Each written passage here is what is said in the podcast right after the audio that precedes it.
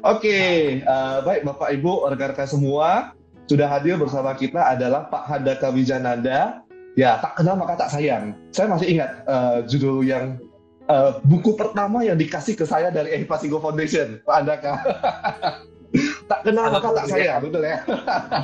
Iya, iya. Nah, jadi tak, tak kenal maka tak sayang. Nah, jadi pada kesempatan ini uh, biar kita tambah sayang. jadi izinkan saya memperkenalkan Pak Handaka dahulu. Nah, siapa beliau? Uh, beliau adalah pendiri dari Ehipasiko Foundation. Kita sempat menjalin uh, hubungan pertemanan. Uh, saya kenal beliau uh, yang sempat menjadi inspirasi saya pada saat saya berada di Berlin. Dan beliau menjadi country manager uh, dari perusahaan farmasi di uh, Myanmar ya dan beliau sempat pada saat itu sudah mendirikan Ehipasiko Foundation ya dan uh, kita sempat kontak-kontak. Saya sempat dihadiahkan buku yang judulnya tak kenal maka tak sayang. Nah bukunya itu dikirim langsung ke alamat saya yang berada di Medan gitu walaupun saya nggak baca gitu. Jadi thank you banget ya. Kemudian beliau ya soalnya saya berada di Berlin Pak Adaka jadi uh, kalau di Medan saya terakhir waktu waktu ke Medan baru saya ambil bukunya. Wah itu judulnya keren banget gitu. Dan isinya juga keren banget. Jadi itu satu iya. pengenalan yeah. yang so, sangat luar biasa. Nah kemudian aktivitas beliau seharian adalah penerjemah kitab suci uh, Bapak Ibu dan kawan-kawan semua jadi kalau kemarin saya saya tadi sempat curhat dengan kawan-kawan saya rada uh, ngantuk gitu ya saya saya lembur tapi lemburnya nonton Kalau Pak Handaka, lemburnya beda. Lemburnya menerjemahkan kitab suci. Jadi ini lembur yang berkualitas. Oke, okay. kemudian juga beliau adalah penulis buku moral, spiritual, banyak banget buku yang sudah ditulis oleh beliau. Belum lagi disunting. Wah, itu keren banget. Ya, jadi banyak banget kalau di uh, kita cekkan kembali Uh, jadi buku-buku Epasico Foundation, kawan-kawan, Bapak Ibu semua boleh coba uh, buka. Itu listnya udah banyak banget. Saya waktu pulang ke Indonesia, saya sempat ikut retret uh, bersama dengan beliau yang dipimpin oleh beliau. Dan uh, pada saat itu waktu dilistkan, wah buku Ehipasiko udah demikian banyak. Belum lagi kalau sekarang. itu banyak banget ya. Jadi uh, luar biasa. Uh, dan beliau adalah penggerak baksos lintas agama. Nah ini menarik ikon prestasi Pancasila. Nah, sudah hadir. Hello Mam Handaka. Tadi ini dari apa? Johan dari Surabaya. eh pas oh, iya, Surabaya. Ya. Sekaligus Pak Desican juga ya. Iya okay. dari dari Palong, eh dari dari Borneo. Wah, dari oh, pedalaman. Oh, Borneo juga hadir. ya. Keren. Oke. Okay. Kemudian juga ya? beliau adalah uh, kenapa kita undang beliau hari ini? Beliau juga adalah inisiator dari meditasi mandiri, kawan-kawan, bapak ibu semua. Jadi pra praktisnya itu adalah meditasi itu uh, bisa dipraktekkan siapa pun, kapan pun, di mana pun gitu. Oh ini ada dari Kaltara juga. ya. Udah panggil papi ya. Oke, okay. baik. Baik, uh, Bapak Ibu, rekan-rekan semua dari uh, berbagai kota yang ada di Indonesia, ya kita nggak bisa sebutkan satu persatu juga dari uh, luar negeri ya welcome. Uh, jadi pada hari ini kita akan membahas terkait dengan medita uh, apa meditasi kremasi bersama dengan Pak Handaka Wijananda kita berikan tepuk tangan dulu. Oke okay, jadi kalau cerita terkait dengan meditasi kremasi dari Pak Handaka saya juga bingung ini. Meditasi kremasi gitu kan. Saya kemarin dapat pertanyaan dari Facebook soalnya. Jadi kalau cerita tentang meditasi kremasi, ini sebenarnya meditasi dengan objek apa gitu? Ya, kok sampai namanya meditasi kremasi gitu? Boleh bantu diberikan penjelasan Pak Andaka? ya, ya, ya. Ya, terima kasih Kurniadi ya. Ini kawan lama ya. Biarpun saya dan Kurniadi ini jarang apa chatting harian atau keep in touch-nya belum tentu setahun sekali ya Kur ya bahkan ya Ya, tapi ya, ya. kalau pas ngobrol bisa langsung mendalam, bisa langsung uplek gitu orang Jawa bilang ya, akrab gitu. Padahal ya orang pikir wah masih ketemu tiap hari atau tiap minggu, padahal enggak, ya. Padahal kita mungkin mungkin setahun dua tahun sekali ya belum tentu ya. Nah tapi itu jadi maksudnya saya sama Korni biarpun nggak pernah chatting, nggak pernah kontak, tapi ada di hati gitu loh. Jadi ketika kontak lagi oh. langsung wah langsung nyambung begitu ya. Nah, memang sebuah persahabatan itu tidak bisa diukur dari keseringan atau intensitas kita itu tektokan begitu ya. Tapi ya memang dari kualitas sehingga biarpun terpisah jarak dan waktu yang lama gitu ya, gak ada masalah.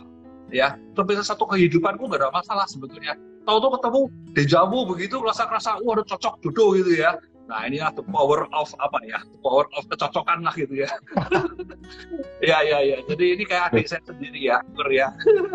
Oke, ya. terima kasih Korea dan teman-teman Chan semua sudah mengundang gitu ya. Ini karena baik banget saya bisa sharing di sini gitu. Wah kehormatan ya. Khususnya juga untuk ini koko saya, Ko Agus sudah join tadi ya.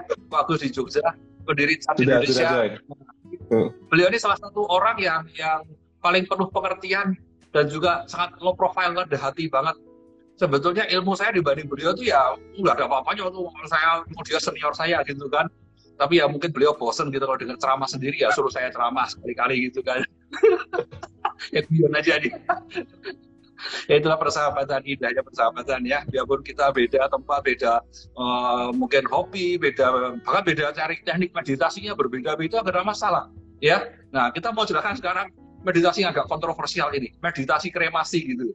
Maksudnya apa gitu ya? Nah ini sebetulnya ya Anda itu diakalin sama Kurniadi.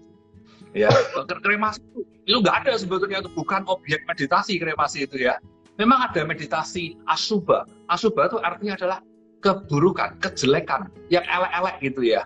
Nah, kalau di dalam 40 kamatana itu atau pokok-pokok meditasi atau uh, lahan untuk kita bekerja, lahan olahan meditasi. Kamatana itu lahan olahan. Itu 40 kamatana ada 10 objek atau pokok atau lahan untuk uh, kita renungi yaitu tentang uh, mayat misalnya ya, jasad yang membusuk ya, terurai, jadi menggembung, membiru, menghitam, akhirnya jadi kerangka begitu. Nah itu kan termasuk yang jelek-jelek gitu. Termasuk proses kremasi sebetulnya ya. Itu bisa jadi renungan juga. Tapi pagi ini kita bukan mau sharing tentang itu. Karena kita meditasi kremasi ini bukan satu objek. Itu hanya judul. Judul yang agak kontroversial. Clickbait itulah ngomongnya ya. Biar kepancing. Biar Anda pada ikut terjebak masuk dalam sharing pagi ini gitu kan. Ya, tapi ya tentu ada hubungannya. Bukan arang-arang buat clickbait kosong begitu. Ya maksudnya apa? Kita nggak ngomong kremasi dulu. Kita ngomong ini kan acara Chan ya. Chan. Chan itu artinya apa? Nah, kalau dari bahasa Sanskerta, Chan itu artinya kan uh, katanya ada Diana, Diana. Kalau bahasa Pali itu Jana, ya kan? Jana. Nah, Jana atau Diana atau Chan itu arti historis literalnya adalah penyerapan, nyerap, absorption, nyerap, nyerap gitu. Nah, lebih dalam lagi ya dari etimologi kata ya. Chan, Jana, Diana itu dari suku katanya tuh ja, akar katanya ja. Ya, dalam bentuk ja, jayati, Jayati, ada juga Jayana. Jayati itu kata kerjanya. Jayati artinya itu apa? Jayati artinya membakar, mengkremasi. Nah itu loh kok situ asalnya ya. Jadi Jayati itu membakar. Jayana itu artinya uh, bentuk kata kerja apa kata bendanya itu pembakaran, pembakaran, pengkremasian gitu ya, perabuan gitu. Anda bilang juga istilah yang kerennya modern modernnya adalah dari Chan itu Ja, Jayati, Jayana, Jana artinya adalah on fire. Ya, on fire ya. Wah, buruk gitu ya. nah, begitu. Nah, ini lebih penting lagi maknanya itu arti katanya. Maknanya bagaimana? Jayati, Jayana, Jana, Diana, Chan, Zen gitu ya bahasa Jepangnya. Itu adalah satu kata yang resmi digunakan oleh Buddha Gautama untuk mengistilahkan meditasi. Jadi zaman dulu Buddha nggak ngomong kamu harus meditation, atau meditatio bahasa latinnya meditatio gitu ya. Artinya menuju ke tengah mensenter gitu ya. Bukan kan Buddha bukan orang Inggris bukan orang Itali Latin bukan kan. Tapi orang India Buddha ngomongnya kamu harus jayati kamu harus masuk penyerapan masuk jana masuk chan nah begitu Nah ini jadi kamu bahasa Indonesia kamu harus membakar diri, mengkremasi diri, on fire gitu ya supaya menembusi itu ya. Ya tadi nanti kita bahas penembusan apa aja yang bisa didapat dari mengkremasi ini gitu ya. Nah itu loh. Okay. Jadi biar asal usul katanya etimologi gitu kur. Clickbait yang oh. mengandung makna. jadi jadi benar ya. Uh, berarti uh, ini adalah sebuah etimologi yaitu meditasi Chan yang uh, istilahnya kok penerjemahan etimologinya adalah uh, meditasi kremasi Dan ini membuat ya. saat ini ada 82 orang join bersama kita. Jadi clickbaitnya itu berhasil, Pak Anda kan? Oke, okay, ya, jadi kamu masalah istilah ya. Sekarang ada, ya, kemarin ya. ada yang juga, uh, Anda kak, itu meditasi kremasi itu ya, itu termasuk samata atau wipasana. Lah ada yang begitu, Bro. Lah kan saya bingung. Ya, ya. Ini ini aku tidak mau ngomongin sama atau wipasana kok. Kok malah nanya. Selalu orang kalau mau meditasi selalu tanya ini samata atau wipasana ya kan tidak harus samata tidak harus wipasana kan? Ya karena mungkin dia tahunya ya meditasi cuma samata dan wipasana jadi yang lain-lain itu dianggapnya nggak ada atau mungkin tidak termasuk dalam tradisi gitu ya nah begitu bukan bisa jelasin dulu ya sebetulnya Buddha sendiri as I told you tadi tidak pernah pakai istilah samata dan wipasana untuk merujuk pada kata meditation tadi itu menuju hmm. menggunakan kata ya jayati jayana jana chan gitu kalau Buddha orang Jepang ya zen begitu ya tapi hmm. dari orang salah dari samata wipasana itu apa? Samata wipasana itu adalah ya adalah apa ya? Pencapaian. Pencapaian. Kamu kalau mendalami melaksanakan on fire tadi, mengkremasi diri itu akan mencapai samata, ketenangan. Akan lebih tinggi lagi mencapai wipasana. Yaitu apa? Melihat cerah, melihat dengan cara khusus, wipasana ya melihat dengan cara yang berbeda ya itu beda uh, pasana itu melihat melihat berbeda jadi pandangannya berbeda udah kayak orang nggak kayak orang biasa dan mencapai samata mencapai wipasana jadi itu adalah pencapaian bukan merek atau brand teknik meditasi. Tapi kalau sekarang ada orang meditasi samata meditasi wipasana nah itu merek itu merek. Boleh-boleh aja. Contohnya tadi Kur kenalkan saya sebagai inisiator meditasi mandiri gitu kan. Ini teknik apa mandiri ini gitu ya? Nah, itu itu merek aja, merek. Ya merek. Biar biar laku, biar laris, ada diferensiasi. Tapi dulu pernah dikomplain, kok saya di kan baru ya. Ada teman saya kerjanya di bank, bank Mayapada. Dia komplain, kenapa nggak meditasi Mayapada aja mau? Kok meditasi mandiri gitu. Wah, ya saya nggak kepikir gitu ya. Ternyata ada yang mungkin iri gitu ya, kenapa nggak pakai merek bank saya gitu. nah, itu, biar aja gitu. Itu. Semua oke lah. Oke, dari Ya, jadi itu hanya merek ya. Jadi kembali tadi itu ya kremasi itu ya sebenarnya sebetulnya coba ya merek aja lah gitu. Sebenarnya Chan juga sekarang jadi merek kan, jadi brand kan. Uh, meditasi Chan, komunitas Chan, tapi intinya sama lah. Intinya kita mau nyerap, kita mau membakar atau mematangkan batin. Ya, kalau mau makan itu kan dibakar atau dimasak dulu ya. Ini memasakkan batin atau mematangkan, mendewasakan batin supaya jadi demikian dan demikian. Ya, nah kira-kira oh, tuh keren. salah dulu. Ya. keren, okay. keren. Jadi sebenarnya secara prinsip uh, kita mau praktek meditasi dalam metode apa pun sebenarnya uh, sama ya tujuannya itu uh, adalah bagaimana kita membakar batin kita ya supaya mencapai proses tertentu ya tahapan tertentu ya Pak Andaka ya. Oke, okay, ya. baik sudah hadir bersama kita ada dari uh, apa? Dari New Delhi uh, tadi ada disampaikan dari New Delhi juga ya dari berbagai uh, negara ya berbagai kota yang ada di Indonesia juga. Hai semua. Jadi uh, pada kesempatan ini uh, Bapak Ibu dan kawan-kawan semua uh, karena saya belajar dari Pak Handata dulu waktu uh, waktu saya berada di Berlin. Jadi ini kita hari ini akan mendapatkan uh, kesempatan untuk mendapatkan souvenir. So jadi buat kawan-kawan sekalian, Bapak Ibu semua yang sudah join, nah bagi uh, kawan-kawan yang mau uh, bertanya boleh meletakkan di kolom komen ya atau di bagian uh, yang uh, question Q&A ya. Silakan masukkan saja oh, di bawah di bawah benar. Dan nanti uh, uh, pertanyaannya akan dibahas dan pertanyaan favorit akan uh, kita chat uh, ya. Kemudian nanti akan kita dapat hadiahnya dan uh, termasuk juga ada beras blessing yang sudah kita siapkan ya oh, dari DDM Damadra Mountain. Damadra Mountain termasuk adalah salah satu dari uh, apa uh, gunung suci yang ada di Taiwan ya ya Great Mountain yang ada di Taiwan. So uh, buat kawan-kawan nanti akan dapat souvenirnya uh, termasuk blessingnya ya. Silakan boleh tinggalkan uh, pertanyaan di bagian kolom komen. Sambil kita lanjut membahas dengan Pak Handaka lagi nih. Pak Handaka, jadi kalau tadi cerita Samatha Wipasana itu adalah uh, pencapaian gitu kan emang kalau jalur mencapai uh, pencerahan, ini kan katanya kalau kita meditasi mau mencapai tahapan-tahapan tertentu ya kalau bisa sampai kepada pencerahan lah gitu kan. Nah, jadi sebenarnya uh, jalur pencerahan itu bisa lewat mana saja sih, Pak Anda kan? Ya, ya. nah, begini, um, problemnya dulu ya. Masalahnya mungkin orang-orang itu bingung gitu loh, bingung. Karena setiap metode itu menawarkan dan bahkan ada yang menjanjikan bisa mencapai level-level tertentu ini yang paling cepat, paling gampang, paling paling sesuai dengan historisnya apa gitu ya, paling otentik gitu ya, macam-macam lah. Namanya orang marketing branding kayak boleh-boleh aja, nggak apa-apa. Itu kan asal nggak over promise ya. Nah, ternyata orang bingung teman saya, saya udah ikutin yang meditasi jana samata. Oh, begini kan katanya itu nggak perlu, katanya bisa langsung wipasana apa gitu ya. Atau wipasana aja nih, nggak perlu jana. Nah, semua klaim-klaiman begitu. Ya kita ini kan jadi bingung kadang-kadang kalau kita awam ya. Kecuali kalau kita sudah ngerti coba belajar gitu ya. Oh ngerti gitu ya. Nah sebetulnya gini deh. Ini bukan menurut saya bukan menurut Kurniadi lah gitu bukan menurut siapa pun ya. Kita merujuk aja. Ya kita kita ngomongin Chan itu asal dari mana? Chan dari Diana Jana ya dari Buddha.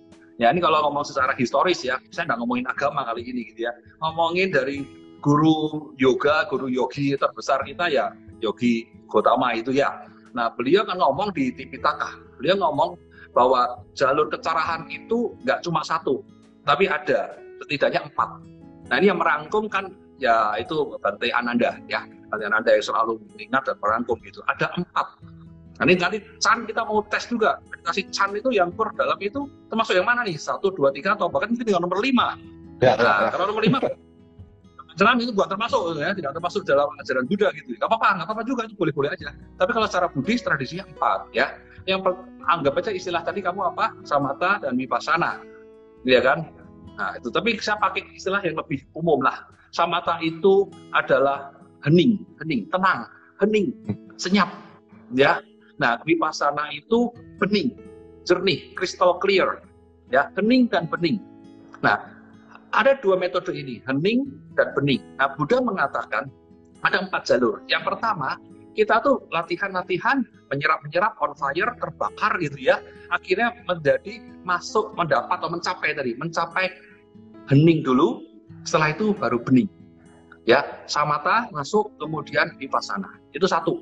Jalur yang kedua, jalur yang kedua adalah sebaliknya. Ya, kita bening dulu, baru hening. Jalur yang ketiga itu berbarengan, bersamaan, bareng-bareng. Ya, bareng-bareng. Istilahnya adalah yuga nada. Yuga nada itu akhirnya terkait barengan gitu. Nah, ini sutranya disebut sutra yuga nada. Sutra bareng-bareng. Ya, sama tawi pasana at the same time. Hening-bening barengan, celing, celing, celing. Nah, cerah gitu ya. Dan yang keempat ini yang paling menggalaukan. Empat ini terjemahan harfiahnya adalah tersita galau damai tersita galau dhamma itu bisa berarti ajaran, bisa berarti fenomena atau dhamma bisa berarti ya apa pun ya hal-hal segala sesuatu gitu. Nah, ada kegalauan. Kalau kita meditasi, makin terserap, bahkan, bahkan bisa menjadi ragu-ragu. Jadi bingung sendiri, galau sendiri. Nah, di level itu, bukan di level galau-galau pemula ya. Kalau kalau master tingkat tinggi, praktisi tingkat tinggi, itu bisa galau. Nah, ketika galau itu seperti bantian Anda. Bantian Anda itu mengalami kegalauan itu lama loh, bertahun-tahun loh sudah mencapai kecerahan pertama, ikut Buddha sudah, waduh seumur hidup lah, eh, ya sebenarnya hari bareng, ulang tahun bareng gitu ya, seumur hidup. Tapi bahkan Buddha wafat pun beliau belum mencapai yang kesucian yang tertinggi. Karena kebanyakan galau gitu mungkin ya. Jadi setelah Buddha wafat, baru tiga bulan mengatasi kegalauannya. Setelah mengatasi sitaan galau itu, ya tercekat atau terikat pada kegalauan, dia bebas. Bebasnya tidak melalui jalur samata maupun vipassana tapi inilah mungkin kalau di Chan itu termasuk apa Satori atau ada bilang sudden enlightenment gitu ya. Cering pokoknya gitu ya, entah dari mana gitu ya. Itu pengalaman mendalam sekali gitu. Nah itu bisa terjadi. Ya, jadi ada empat jalur. Ya, anda tiap orang punya talenta atau bakat atau jalur masing-masing, karma masing-masing. Lewat mana? Ini pun apa pun oke okay, boleh. Yang penting ujungnya kalau sudah nyampe kecerahan itu bisa melihat dengan cara khusus tadi mengalami kualitas batin, perubahan transformasi batin yang uh, yang baik-baik tadi itu sudah sama aja. Tidak peduli yo. Saya sudah pergi ke Medan, mau lewat Bengkulu ya bisa, mau lewat Singapura ya bisa, mau lewat jalan darat boleh, mau berenang ya nyampe juga. Ya, belum tentu nyampe kalau berenang ya. ya, tapi intinya begitu sampai Medan nggak ada masalah kan? Kor aja makan kue tiaw, ayo makan udah. Ada kue tiaw rasa Medan, rasa Bengkulu, rasa Singapura, rasa Palembang nggak ada ya, ya sampai di sana sudah sama, kecerahan itu sama. Kalau berbeda-beda itu yang beda adalah orang-orang yang belum cerah. Ya, nah, jadi intinya jalurnya macam-macam ada empat. Ya lanjutin dulu nih, ngomong on fire gitu ya. Nah di, di dalam meditasi Tipitaka saya rangkum aja gitu ya. Jadi kalau bahasa yang lebih luas, saya nggak pakai istilah sama tahu pasana biar nggak terjebak gitu terus terus ya gitu ya. Jadi ada empat garis besarnya Korea. Yang pertama itu meditasi yang Buddha paling populer adalah meditasi tadi itu uh, penyerapan, penyerapan ya, penyerapan itu atau jana atau chan begitu ya. Itu hasilnya apa? Hasilnya adalah jana-jana itu kulminasinya ya penyerapan absorpsi jana 1 sampai 4 itu dan juga arupa jana gitu. Ya kemudian yang kedua adalah penyadaran atau pengamatan. Sati, sati ya. Nah ini uniknya mau penyerapan mau penyadaran sutranya atau literaturnya itu sama-sama pakai sati. Contohnya orang bilang kalau kamu belajar anak sati, itu penyadaran atau pengamatan. Pengamatan pada napas hasilnya jana. Enggak juga. Bisa juga jana, hasilnya juga bisa vipassana, nggak ada masalah. Jadi tolong jangan sutra-sutra dibelah. Ini versi si Samata ini lebih membelain uh, apa Satipatana lebih arah sana itu nggak ada begitu-begituan nggak ada ya nggak ada ya jadi penyerapan itu pakai Satipatana kemudian penyadaran pakai istilah Satipatana uh, bisa capek Mahasatipatana dan juga terkenal tuh kaya gata sati itu favorit saya kaya gata sati Anapanasati terus kemudian ada juga meditasi perenungan perenungan misalnya merenungi kematian Ya itu marana sati. Nah sati juga toh, sati bisa berarti perenungan juga atau pengamatan, amatin. Tadi itu mayat membusuk bagaimana, orang mati bagaimana. Ada juga meditasi perenungan yang lain misalnya ya uh, wipalasa tentang hal-hal keblinger. Kita tuh keblinger. Ya, uh, nica dia mau anica dia mau dikatakan uh, nica. Kemudian uh, harusnya duka tapi kita anggap sebagai suka. Harusnya anata tanpa diri, tiada diri kita anggapnya sebagai ata. Ya, yang yang subah dianggap asubah, asubah dianggap subah. Nah, ke keterbalikan atau kekebelingeran, ya, kesalahkaprahan beginilah. Itu ipalasa jadi perenungan juga bisa. Kemudian yang terakhir yang terkenal juga adalah meditasi pemancaran. Pemancaran itu misalnya Brahma Wihara, ya memancarkan meta, karuna, mudita, upk. Nah itu juga ciri-ciri uh, meditasi historis Buddhis itu ada empat macam penyadaran, penyerapan, perenungan, pemancaran. Kira-kira garis besarnya itu. Anda mau lewat mana pun, bisa, bisa nyampe. Tapi memang ada teknik tertentu hanya membawa di level 1. Ada teknik lain membawa sampai level 4 gitu. Ya itu nggak masalah, nanti tinggal pendalaman saja. Ya, kira-kira gitu macam-macamnya Akur ya, secara historis, secara kanonik gitu. Oke, okay. ini keren keren. Uh, Pak Andaka, ini ini menarik. Jadi uh, ini bisa saja sama seperti Jen Chan bahwasanya kalau misalnya itu terakhirnya itu kan ada istilahnya tersita oleh galau dharma gitu ya. Jadi uh, saya kembali teringat tentang apa yang pernah disampaikan guru uh, Sekong kita gitu. Uh, secara persisnya saya ing, uh, ingatnya ada beberapa poin gitu kan. Jadi pertama kalau kita punya great belief dulu, kita punya great belief, great belief uh, dengan ajaran kita, dengan guru kita. Uh, setelah itu kita akan punya great determination untuk mempraktekkan ini untuk determinasi yang kuat harus Nah, itu masih harus melalui satu poin yang namanya grid dot gitu. Oh iya, iya betul, betul. Tadi itu, tadi itu ya. Ya, jalurnya Bante Ananda itu, Ananda yang keempat itu, ya toh, yang galau, galau ya galau dharma loh ya, bukan galau, bukan galau adharma. Kalau adharma itu tidak sesuai dharma, tidak kebenaran. Jadi bukan grid, grid bukan bukan minor dog atau little dog, tapi grid. Nah, sesuai dhamma gitu. ya kan? Oke, okay, keren. Uh, Pak Andaka ini ada apa nih? Ada pertanyaan ini masuk dan ini keren. Uh, saya coba pin dulu pertanyaannya. Ini dari Ling Ling. Nah, jadi uh, pertanyaan itu adalah apakah jalur pencerahan harus dengan cara meditasi saja? Ketika sudah oh, mencapai pencerahan, uh, apakah roda karma masih berjalan di kita? Ini terutama pertanyaan bisa untuk uh, saya yang malas meditasi, Pak Anda. Jadi ya kalau misalnya gampang, tolong cari yang gampang lagi deh. Ada shortcutnya ya. dong. Jadi kalau misalnya mau ke Medan dari Jakarta, ya cari yang jalan pendek deh. Jangan berenang gitu. Tapi tetap makan kue ya rasanya. Gitu. Gimana nih Pak Anda? Uh, gini, gini, gini. Uh, saya dari Jakarta mau ke tempat kur di Medan, oke? Okay? Hmm. Itu pertanyaannya sama begini, uh, apakah bisa kita nyampe Medan, tapi tanpa harus mengangkat mengangkat badan saya atau pantat saya dari kursi jalan atau renang atau naik pesawat atau naik motor ke Medan, sama aja nggak berangkat gitu. Itu saya nggak berangkat tetap di sini bisa sampai sana nggak? Ya nggak bisa. nggak bisa. Meditasi itu metode, metode atau vehikelnya kendaraannya untuk nyampe ke Medan, ya kan? Tapi kalau nggak nggak pakai meditasi bisa nggak? Ini jangankan shortcut. Kalau shortcut masih mending dua jam naik pesawat itu shortcut loh, ya. Ini lebih malas dari shortcut. Kalau nggak berangkat bisa nggak nyampe Medan gitu. ya, ya jawabnya gimana ya? Susah gitu ya. Nah tapi gini lah, gini gini gini. Ya, eh, kecerahan itu itu kalau secara kanonik ya saya ngomong secara kitabiah aja lah biar nggak salah. Kalau pendapat saya sendiri atau pendapat orang-orang nanti bisa pro dan kontra gitu ya. Saya ngutip aja nyontek dari guru besar saya dari Buddha. Dari Buddha kan mau kontra kontra kan tanggung jawabnya Buddha gitu kan ya. Aman. ya. Nah, ada jalur itu satu dua jalur besar tadi ada empat jalur kecil-kecil tekniknya tapi kalau jalur besarnya itu ya ada yang namanya itu sadanusari sadanusari itu orang mencapai kecerahan lewat jalur sada ada juga yang jalur Dhamma Nusari. Jalur Dhamma Nusari itu adalah melalui kebijaksanaan atau Panya Nusari. Panya itu kebijaksanaan, ya. Melalui jalur kebijaksanaan atau jalur keyakinan. Nah, meditasi itu termasuk termasuk ya mayoritas jalur dhamma atau jalur kebijaksanaan. Karena kita membakar diri tadi itu menjadi lebih bijaksana, berkembang ya. Tapi tentu meditasi juga perlu sadar keyakinan tadi itu ya, keimanan, kemantepan, keteguhan hati tadi itu.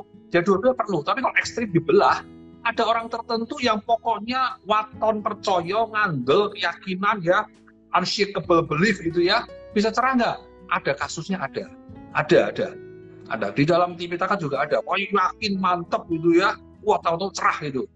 Hmm, tapi apa yang membuat dia cerah? Kalau dia yakin. Bukan hanya keyakinan belaka loh ya tetapi karena yakin dia menjalani menjalani instruksi-instruksinya itu modal dasar yang utamanya keyakinan nah gitu jadi ya ini agak uh, tipis gitu ada delikit gitu agak halus gitu ya jangan mengandalkan keyakinan belaka tapi mengandalkan kebijaksanaan belaka juga kering. Kalau nggak punya keyakinan nanti kau mentok. Galau dan betul-betul galau kebingungan ya akan menghadapi rintangan kelima yang tertinggi yaitu kerintangan keragu-raguan wicikica ya keraguan. Mentok di situ. Kurang beliefnya kurang mungkin harus mulai dari awal lagi gitu. Ya jadi intinya kita tuh secara gampang inilah kalau sudah terlalu complicated untuk mencapai kecerahan ada tiga lah gampang. Kalau cara cara ehipasiko cara saya pribadi itu ada tiga. Studi aksi meditasi. Tiga tiganya ini perlu. Satu aja kurang. Ya meditasi nggak pernah belajar nanti tersesat. Ya aksi-aksi action terus baksos baksos terus ya bagus kumpulkan kebajikan. Itu modal fondasi kuat. Tapi nggak pernah meditasi nanti nggak naik naik kelasnya gitu-gitu doang. Cuma jadi orang yang baik yang bajik. But it's not enough. Bajik dan bijak dan juga tadi cerah gitu ya nah seperti Buddha gitu jadi itu harus tiga tiga trio atau triad di trisulanya studi aksi meditasi ada tuh tiga tiganya jalankan komplit lah ya oke kira-kira gitu Kur Berarti tetap harus ada ya Pak Andaka ya. Kalau studi harus, kemudian aksi harus, dan terakhir meditasi juga harus. Jadi baru komplit ya. Kalau enggak nanti setengah-setengah. Okay. ragu-ragu.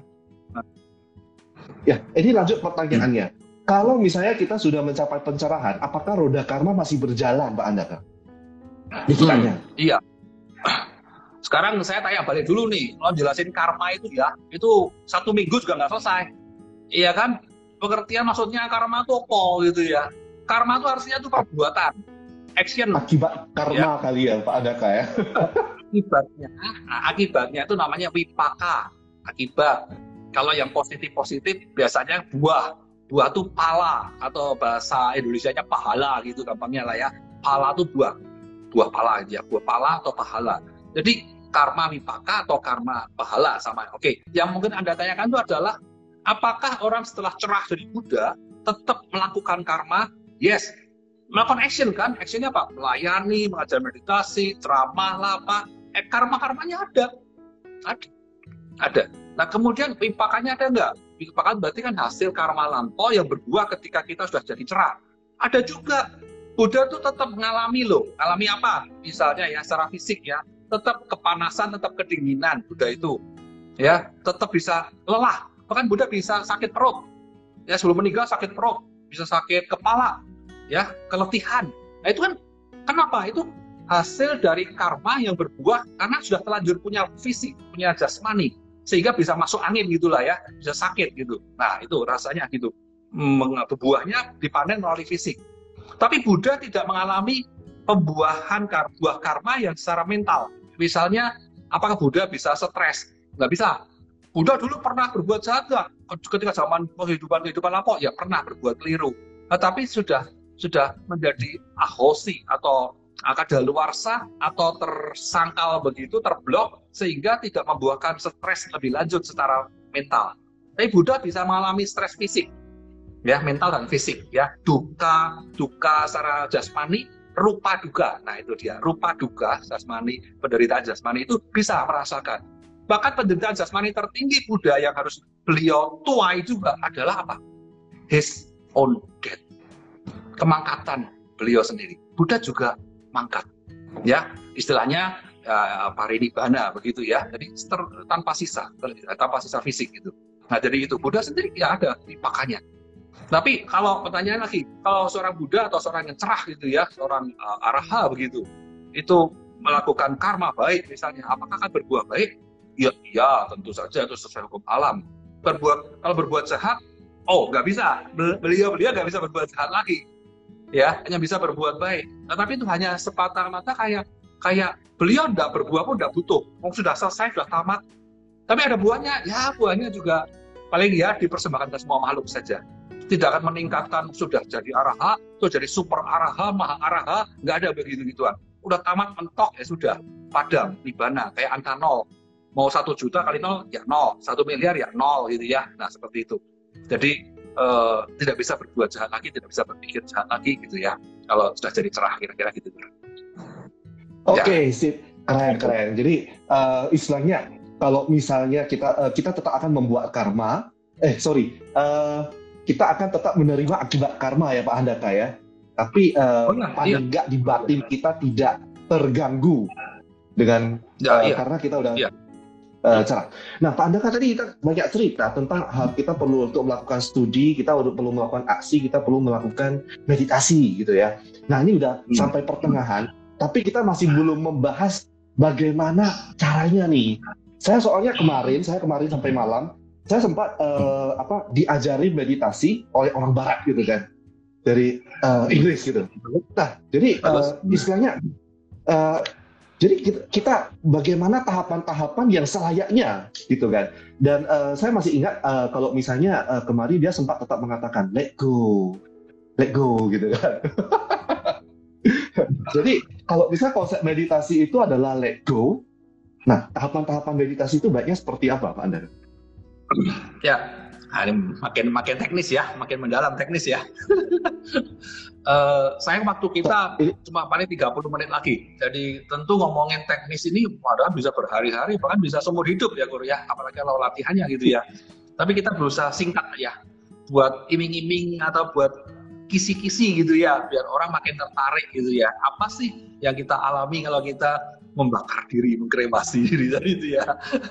Ya, jadi ini berdasarkan experience kecil-kecilan lah gitu ya. Experience pribadi, berdasarkan experience empiris dari orang lain gitu ya. Dari hasil studi aksi meditasi gitu lah ya. Dari saya sendiri juga nanti kor bisa perkaya, perlengkapi lagi gitu ya. Jadi eh, kita ngomong secara secara tadi itu ya, secara pengalaman gitu ya. Jadi intinya betul bahwa semua praktik jalan ini adalah untuk let go dan let be. Let go itu apa? Melepas gitu ya. Kalau let be itu membiarkan. Es biarin dah gitu ya. Ya pokoknya biar sebagaimana adanya seperti itu gitu ya.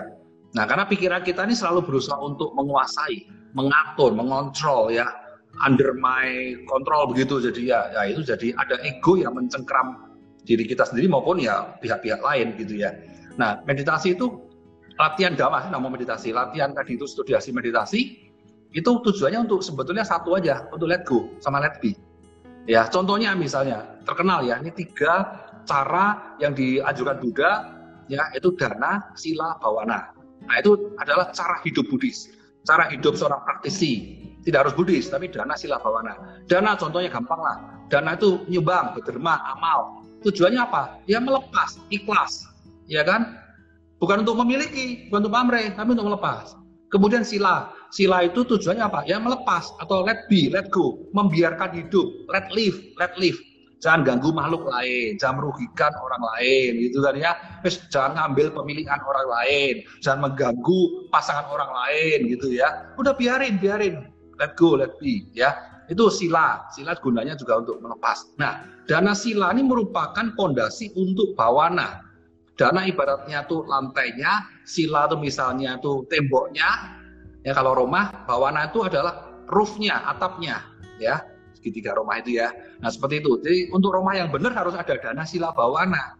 Mention kita, wisma kita itu harus punya tiga itu, ya. Kemudian meditasi itu penting tadi itu, nggak bisa ke Medan tanpa meditasi nggak bisa, ya. Harus akhirnya sampai ke atapnya itu. Nah bawana. Tapi kalau nggak ada dana sila yang bagus, nggak latihan melepas sehari-hari, nyumbang, amal, melayani, meditasi kita terganggu, nggak bisa mentok, ya. Nggak bisa sundul langit itu nggak bisa itu ya. Karena apa? Oh meditasi hebat makanya mencapai jana. Tapi prakteknya apa? Orangnya apa? Antisosial orangnya kikir orangnya nggak mau membantu. Orangnya uh, apa suka nyinggung orang suka nyakitin orang suka debat suka ya pokoknya gitu mau menang sendiri misalnya gampang marah. Nah itu kan berarti apa apa hasil dari meditasi kamu ini selama ini gitu kan ya? Apa hanya untuk membesarkan menggelembungkan ego kamu?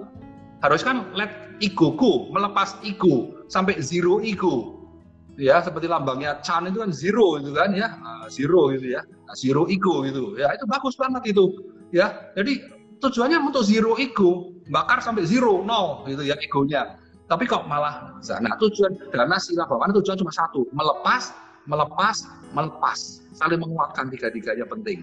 Ya, itu. Nah kemudian tahap-tahapnya melepas tadi itu ya ini kalau secara dana sila oke nanti kita bahas lain kali ya kita lebih mendalami sekarang ya meditasi atau bawana bawana sendiri artinya pengembangan development development pengembangan kualitas-kualitas yang luhur ya nah misalnya uh, di dalam sebuah sutra namanya banyak ya ada sutra inti kayu udah bilang ya hmm, Mahasarupa Masuta ada juga sutra-sutra yang lain ya uh, itu kira-kira seperti ini saya rangkum kita ini pertama mengatasi rintangan-rintangan batin kita dulu ada lima rintangan batin. Nanti kalau ada waktu kita bahas ya. Ini warna itu ya. Rintangan batin itu yang paling utama tentu nomor satu adalah uh, terlalu ambisius. Ya, kama, nafsu kita. Atau terlalu masih pikiran-pikiran jahat, pikiran tidak seneng, sebel gitu. Bisa ada juga yang ketiga dan uh, ketiga itu malas atau kemudian lesu, lembam, malas dan lesu. Ya, ogah-ogahan gitu ya. Kemudian ada lagi yang keempat tuh resah dan sesal murung, sesal terus gitu, dirundung-rundung terus gitu ya. Yang kelima tadi itu, rintangan tertinggi adalah keraguan, keraguan biji kita. Nah, itu harus kita atasin dulu. Secara tekniknya gimana? Tekniknya bisa secara fisik, bisa secara mental, secara fisik, ya bisa rajin olahraga, disiplin ke kantor, praktek sehari-hari, untuk mengatasi uh, kemalasan, ya. Untuk mengatasi kita orang peragu-peragu peragu gitu ya. Ya kita harus punya keyakinan yang kuat terhadap kebajikan misalnya gitu. Nah setelah itu semua niwarana rintangan halangan ibadah itu diatasin baru maaf ya baru setelah lewat itu baru bisa masuk ke dalam can ke dalam semadi di dalam jana. Kalau terbakar bisa lebih sempurna kalau belum lewat itu, masih galau-galau, masih sibuk dengan badan istilahnya ya. Cuman masalahnya tersita dengan badan semua itu ya, lima rintangan itu ya. Ada batin juga sih jelas, tapi badan ini bikin bikin ini, bikin kita tuh jadi lembam, malas, jadi kadang terlalu loba, serakah ya, nggak mau sakit, nggak mau menderita. Itu fisik, mungkin 70% karena fisik. Ya, di tahap-tahap awal. Kalau di tahap level lebih tinggi nanti fisik ada masalah lagi. Masalahnya adalah batin itu sendiri. Ya, itu nanti. Kemudian setelah mengatasi uh, di warana atau rintangan-rintangan awal tadi itu kita nanti bisa mengalami nimita. Nimita itu apa? Omen. Wah, ini menarik. Tampakan-tampakan. Tapi nimita ini sifatnya eksklusif. Kadang mungkin core mengalami, saya tidak. Atau sebaliknya. Kadang muncul, kadang nggak nggak muncul. Nggak ada masalah. Ada seumur hidup nggak mengalami nimita. Itu cuma hiburan. Itu pun untuk kita let go.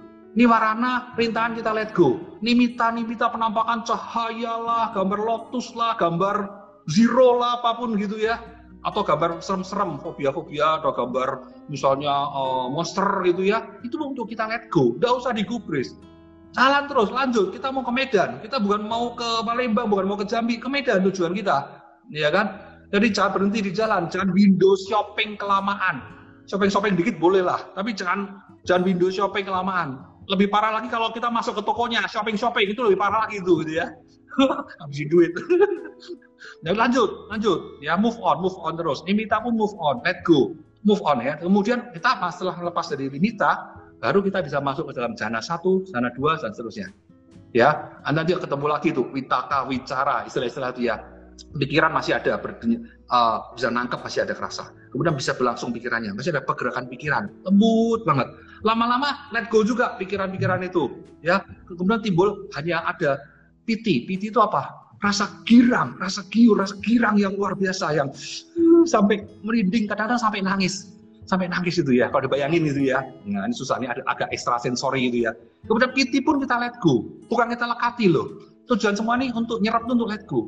Kemudian setelah PT apa? Ketemu lagi nanti wah terminal berikutnya resort berikutnya suka.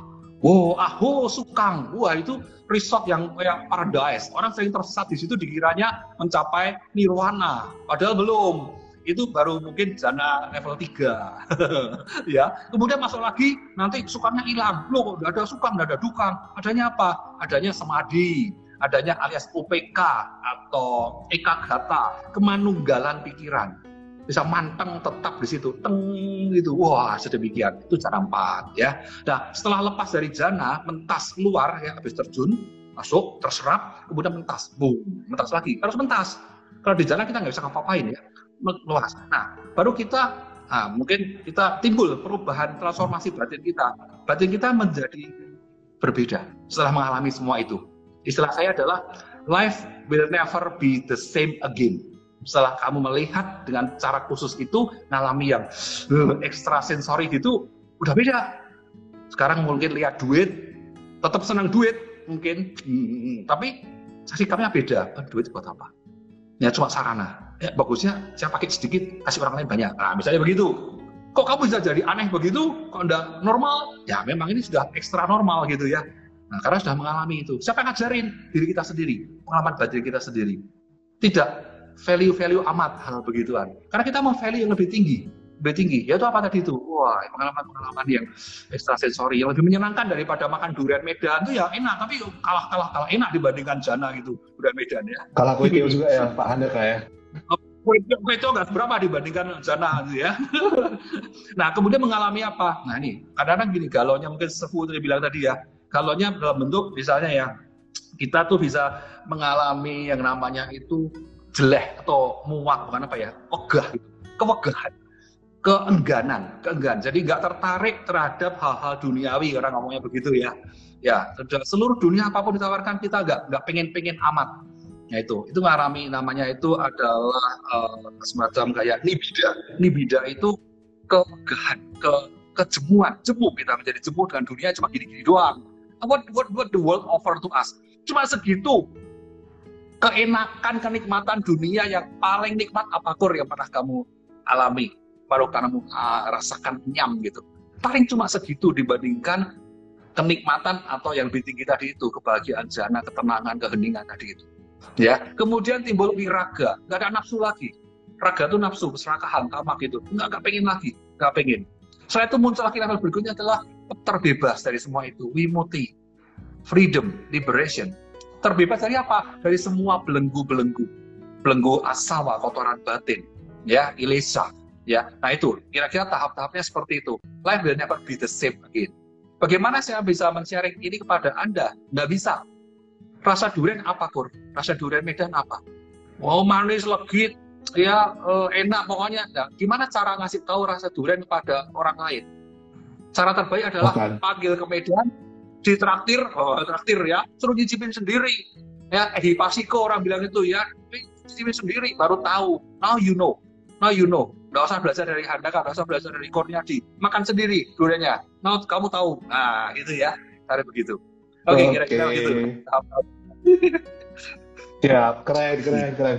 Pak Handaka, jadi tadi kita udah cerita sampai uh, bagaimana proses prakteknya ya dana sila bawana gitu kan Kemudian kita perlu menghilangkan lima rintangan untuk masuk ke Chan. Dan ini pesannya sangat keren tadi, Bapak Ibu kawan-kawan semua. Kalau mau window shopping boleh, tapi jangan kelamaan. Apalagi udah window shopping masuk ke dalam shopping-shopping terus gitu. Jadi kita nggak sampai terus nanti. Halo, ada kah? Nah, jadi uh, kalau memang ya, kita udah mempraktekkan seperti ini, tadi juga ada satu pertanyaan gitu kan. Bagaimana kita tahu kita udah mencapai hasilnya? Jadi uh, tadi kalau istilahnya ada jana, uh, jana satu dua tiga empat gitu kan, atau uh, saya biasa ke jana ke enam, uh, namanya jahanam gitu. Jadi, atau atau uh, bagaimana kita tahu bahwa saya kita sudah mempraktekkan meditasi ini dan berhasil, Pak Andana? Ya, Oke. Jadi untuk tahu ya, untuk tahu kita harus punya pengetahuan. Pengetahuan tuh satu teori dulu. Ya. Makanya itu pentingnya studi. Kalau kita punya teori yang benar, ya, kemudian suatu hari kita praktek ya, dan kita mencapai menembusi ya. Ya, kan ada pariyati, pati-pati, pati beda. Apa itu? Kita pembelajaran dulu, teori dulu, pariyati. Pati-pati itu kita praktek, action, nyoba, jajal, ya, praktek ya. Kemudian patiweda, penembusan atau pengalaman langsung, insight, ya. Nah, kemudian kalau kita sudah mencapai insight, bagaimana kita tahu bahwa kita sudah mencapai yang itu tuh, gitu kan? Ya tentu dicocokin lagi dengan checklistnya. Secara teori, bagaimana? Pengalaman saya ini secara teori, teori kitab suci bagaimana? Kalau enggak bisa enggak ketemu kayak sama praktisi praktisi. Praktisi yang lain gimana? Ya, pengalaman kamu gimana? Makanya itu perlunya komunitas. Kalau praktek sendiri kan bingung. Ya kan, mengalami ini gimana? Lah, saya tanya sama teman saya, kamu gimana? Oh, saya juga ngalami. Itu gimana tuh? Nah, itu perlu komunitas. Kita perlu bikin meditation club gitu. Seperti yang CAM Indonesia lakukan tuh udah udah udah perfect, udah ideal. Ya, tinggal disebar luaskan ke mana-mana aja. Ya, bukan untuk jago-jagoan, pinter-pinteran meditasi, enggak justru ini bodoh-bodohan meditasi gua masih bodoh lu agak bodoh juga atau agak pinter nih? Kasih tahu sharing-sharingnya gitu kan. Bukan pinter-pinteran bodoh-bodohan aja. Kalau Chan ngomongnya begitu kan aneh-aneh gitu. Selain kayak karena guru-guru Zen di Jepang ya. Nah nanti kumpulan orang-orang bodoh-bodoh ini kan melakukan satu apa studi-studi itu lama-lama jadi grup wisdom terbentuk.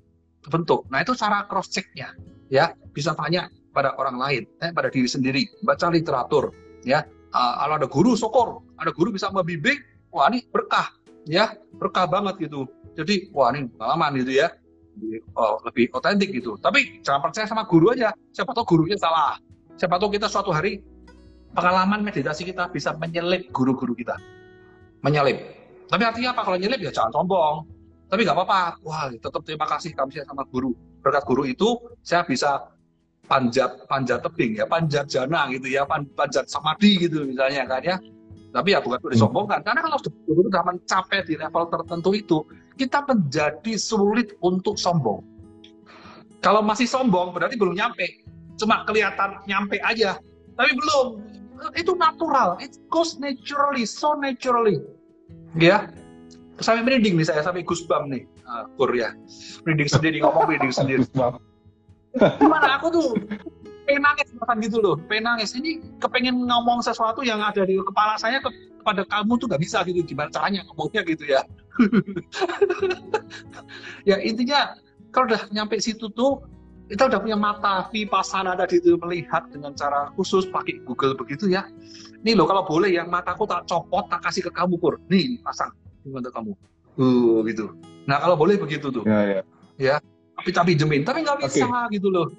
Nah jadi ngerti? Jadi kita akan tahu sendiri. Nih contoh ya. Tapi tentu ada referensinya. Referensinya berdasarkan kitab suci atau berdasarkan uh, kaliana mitra kebajikan teman-teman praktik bersama ya atau guru-guru gitu ya.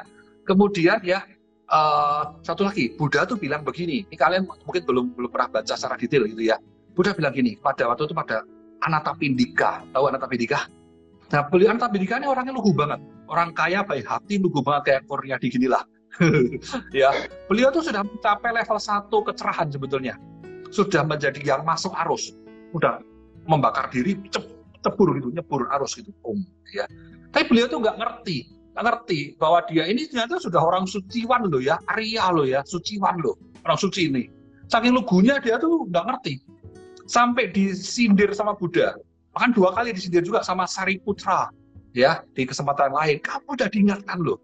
Ngomongnya gimana begini loh anak tapi indika kalau seseorang tuh sudah mencapai itu kamu tuh boleh bilang sama diri sendiri. Dicek, apakah kamu punya keyakinan yang sudah nggak ragu-ragu lagi, sudah ada keraguan wicikica tadi, ya kan? Apakah kamu sudah punya tadi itu ego kamu sudah sangat tipis gitu ya, sudah zero ego hampir belum belum zero zero ego, sudah tipis sekali egonya, sudah tidak punya pandangan tentang uh, konsep diri yang keliru, ya pandangan adanya kedirian atau keegoan sudah tipis sekali, ya sudah ada galau-galau batin yang gimana-gimana amat, you may declare ya by yourself to yourself bahwa kamu sudah mencapai kesucian level 1 sotapana. Hmm. Nah itu. Tapi hati-hati, saya menerjemahkan dari bahasa Pali itu hati-hati banget.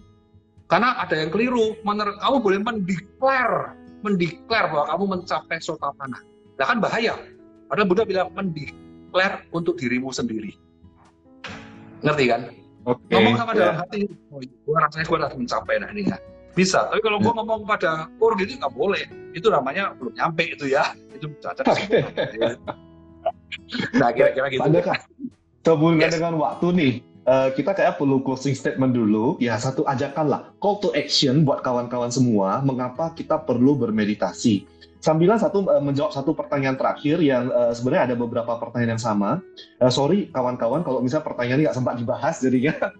Jadi uh, menjawab, sambil menjawab satu pertanyaan, uh, bagaimana caranya mempertahankan kesadaran tidak hanya pada saat meditasi. Kalau pemahaman saya mungkin meditasi duduk ya Pak Anda kayak. Ya.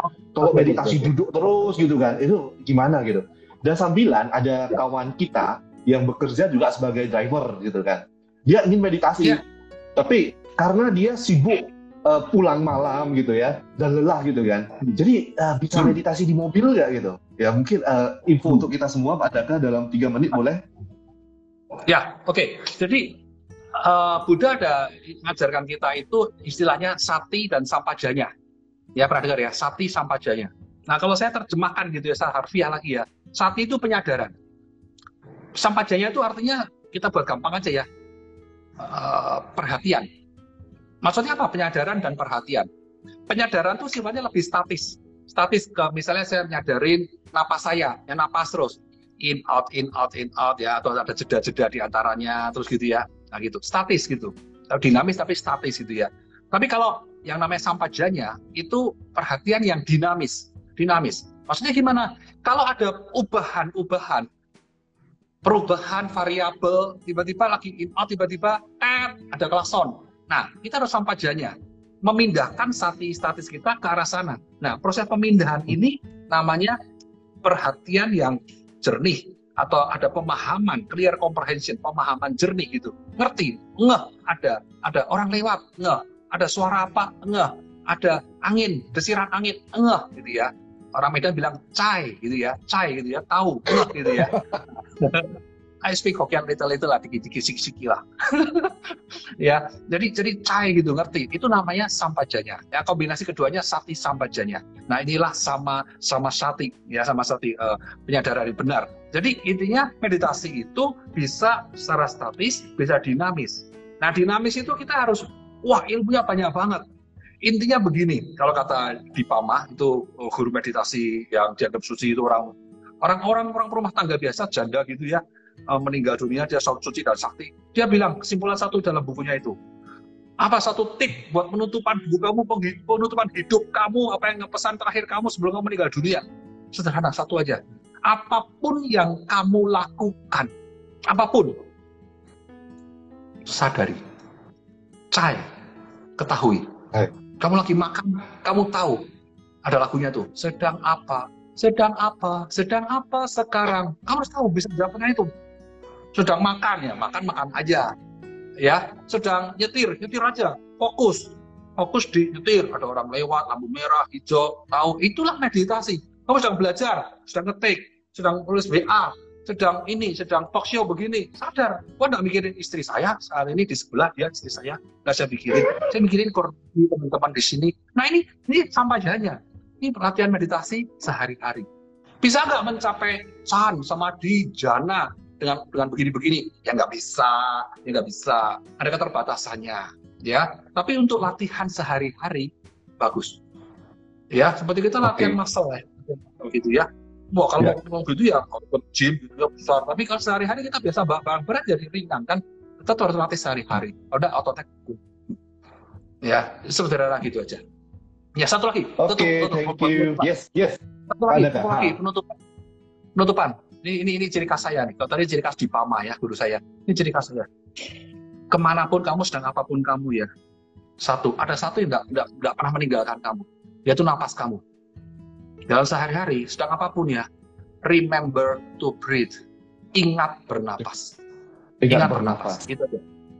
Kapan oh, sela-sela punya satu detik.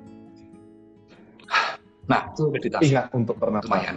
Karena kita nggak sadar kita yeah. bernafas. Baik, Bapak Ibu, rekan-rekan semua sehubungan dengan waktu.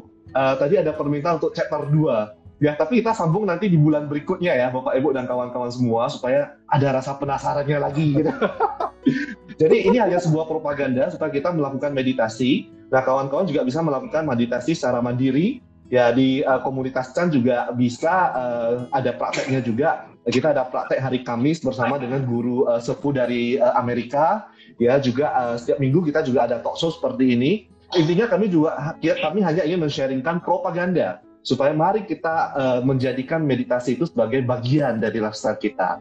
So kawan-kawan semua nanti untuk rekaman ini nanti masih bisa didapatkan uh, di uh, Instagram dari uh, Chan Indonesia, Chan Medan, uh, di tempat-tempat lainnya juga di Spotify, juga nanti di Ehipasiko Foundation. So stay tuned.